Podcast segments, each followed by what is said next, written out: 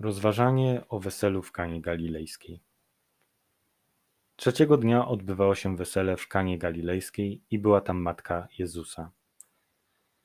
Trzeciego dnia, a w praktyce w Ewangelii świętego Jana to już siódmy dzień. Trzy razy już usłyszeliśmy nazajutrz, w 25, 29 i 43 wersecie pierwszego rozdziału. I teraz minęły trzy dni, nadszedł dzień siódmy. Znajdujemy się w logice stworzenia. Jest wesele, zaślubiny jak w ogrodzie Eden pomiędzy mężczyzną i niewiastą, ale również pomiędzy niebem a ziemią. Na początku ta historia znajduje punkt zaczepienia w matce Jezusa. Nie pada jej imię, ale pada jej tożsamość. Nie ma drugiej takiej osoby, która mogłaby się tak zwać. Zaproszono na to wesele także Jezusa i jego uczniów. Możemy się domyślić, że Jezus i jego uczniowie, których dopiero co powołał wcześniej, znaleźli się w Kanie z powodu jego matki. Inaczej niż w Edenie, to niewiasta jest pierwsza. Adam zjawia się na zaślubinach po niej i przez nią. Tak właśnie to dziewica zjawia się na świecie pierwsza, a dopiero po niej jej syn. Wesele już trwa. Wesele stworzenia i przymierza, któremu grozi fatalny koniec. A kiedy zabrakło wina, matka Jezusa mówi do niego: Nie mają już wina. Temu weselu zagraża fiasko. To, co ma przysparzać radości, rozweselać uczestników, kończy się. To niedoskonałe zaślubiny. Wtedy właśnie wkracza matka Jezusa. Nie sługi, nie starosta weselny, nie pan młody, ale gość, ktoś mało znaczący z perspektywy tych zaślubin, ktoś z ubocza, kto widzi brak i potrzebę. Wesele było wspaniałe, ale nagle zabrakło wina. Matka Jezusa nie zwraca się do sług, nie zwraca uwagi staroście, nie przerywa wesela, ale działa w jego cieniu. Zwraca się do Jezusa. Jak Jezus przyszedł na wesele poprzez nią, tak teraz ona znowu łączy to wesele i jego problem z nim. Sama nic nie może, ale w nim może wszystko, chociaż nawet nie prosi. Jezus jej odpowiedział: Czyż to moja lub twoja sprawa, niewiasto? Czyż jeszcze nie nadeszła godzina moja? Są postronnymi uczestnikami wesela, nie głównymi bohaterami wydarzenia, a jednak są głównymi bohaterami tej, tej historii.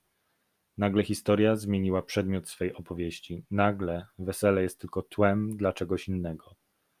Czy to sprawa Jezusa lub jego matki? Odpowiedź brzmi tak. Historia tego wesela utknęła w martwym punkcie. Państwo młodzi sobie nie poradzą. Na scenę wkracza niewiasta i jej potomstwo, obiecani przez Boga w dniu wypędzenia z raju.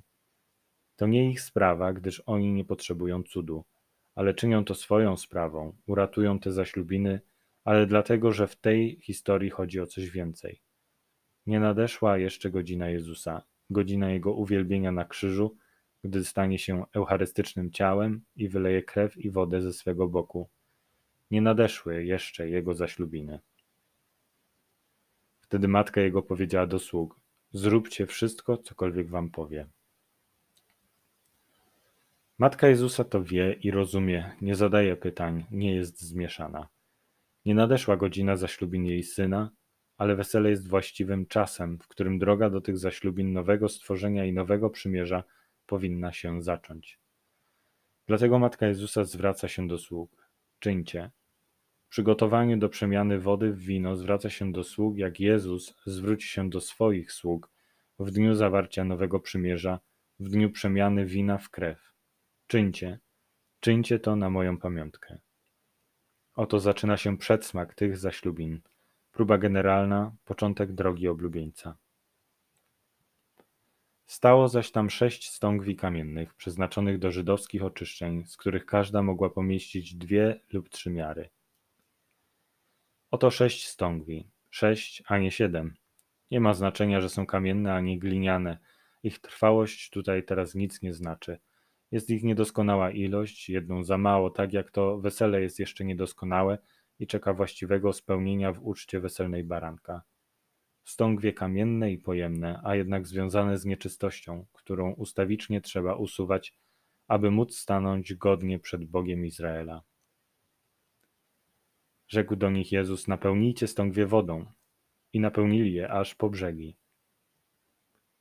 Nakaz Jezusa nie ma sensu. Słudzy będą się wygłupiać, nosząc dziesiątki litrów ze studni do ciężkich stągwi, kiedy przydałoby się pójść gdzieś kupić wino, na co komu tyle wody. A jednak czyńcie, co wam powie. Słudzy już wierzą, ponieważ są posłuszni, i to posłuszni w sposób gorliwy, napełniając stągwie po brzegi, nie próbując wymigać się od pracy przez uszczknięcie paru litrów. Najpierw jednak Jezus wypełnia to, co służyło podtrzymaniu przymierza, aby w dziwny sposób zakończyć je nowymi zaślubinami. Potem do nich powiedział: Zaczerpnijcie teraz i zanieście staroście weselnemu. Oni zaś zanieśli. Nie powiedział: Skosztujcie. Jeszcze tu dalej nie ma sensu, jeszcze słudzy się mogą wygłupić przed kimś ważnym, a jednak dalej czyńcie cokolwiek wam powie. Stągwie powstały do oczyszczeń, ale teraz będą z nich pić na weselu. Zewnętrzne obmycie zamieni się w wewnętrzną radość, ale droga od jednego do drugiego jest drogą wiary i posłuszeństwa. A gdy starosta weselny skosztował wody, która stała się winem, nie wiedział bowiem skąd ono pochodzi, ale słudzy, którzy czerpali wodę, wiedzieli, przywołał pana młodego. Ten, który zna się na rzeczy, na zaślubinach i weselach, jest zaskoczony. Przemiana dokonała się w tajemnicy, w ciszy, tylko słudzy milczący i posłuszni są stróżami sekretu. Nagle pojawia się nie kiepskie, nie zwykłe, ale znakomite wino.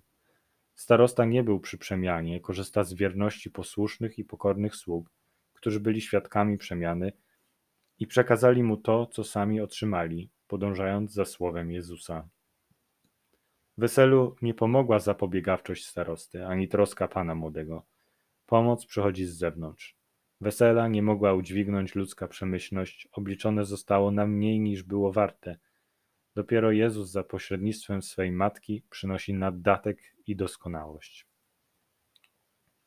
I powiedział do niego: Każdy człowiek stawia najpierw dobre wino, a gdy się napiją, wówczas gorsze.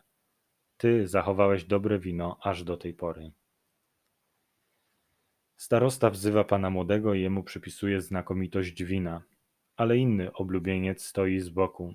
To on zachował dobre wino do tej pory, aby udzielić go w ostatniej chwili.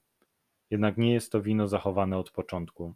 Jezus właśnie powołał je, by ocaliło wesele. Wziął to, co było i uczynił z niego to, czego nikt się nie spodziewał, a czego wszyscy potrzebowali. Taki to początek znaków uczynił Jezus w Kanie Galilejskiej. Objawił swoją chwałę i uwierzyli w niego jego uczniowie. Znak istnieje po to, by oznaczać. Nie jest celem samym w sobie. Nie nadeszła jeszcze godzina uwielbienia Jezusa, ale nadszedł czas znaków tego uwielbienia. Nie nadeszły jeszcze gody baranka, ani przemiana wina w krew, ani nowe przymierze, ani nowe stworzenie, ale już jest ich znak przez słowo Jezusa. Jezus objawia swą chwałę, gdyż znak jak lustro odbija już promień Jego chwały objawionej na krzyżu. Jego uczniowie uwierzyli, ale dlaczego uwierzyli? Gdyż usłyszeli Jego matkę zwracającą się do Jezusa, pewną, niezachwianą. Usłyszeli, czyńcie cokolwiek wam powie. Usłyszeli dziwny nakaz Jezusa. Ujrzeli niezrozumiałą wierność i posłuszeństwo sług. Nic nie rozumieli po ludzku, ale cud miał miejsce nawet nie na słowo, ale z woli Jezusa. On jest gwarantem spełnienia. Nie trzeba go zrozumieć, by za nim podążyć. Teraz prawdziwie stali się uczniami. Uwierzyli w jego cichą, ukrytą, umykającą oczekiwaniom chwałę i zechcieli być też jego sługami. Następnie on, jego matka, bracia i uczniowie jego udali się do Kafarnaum, gdzie pozostali kilka dni. Zaślubiny kończą się założeniem rodziny. Jezus zabiera wszystkich, którzy byli świadkami tego znaku, którzy oglądali Jego chwałę do swego domu. Zamieszkają oni z Nim, ale również z Jego matką, również z Jego braćmi.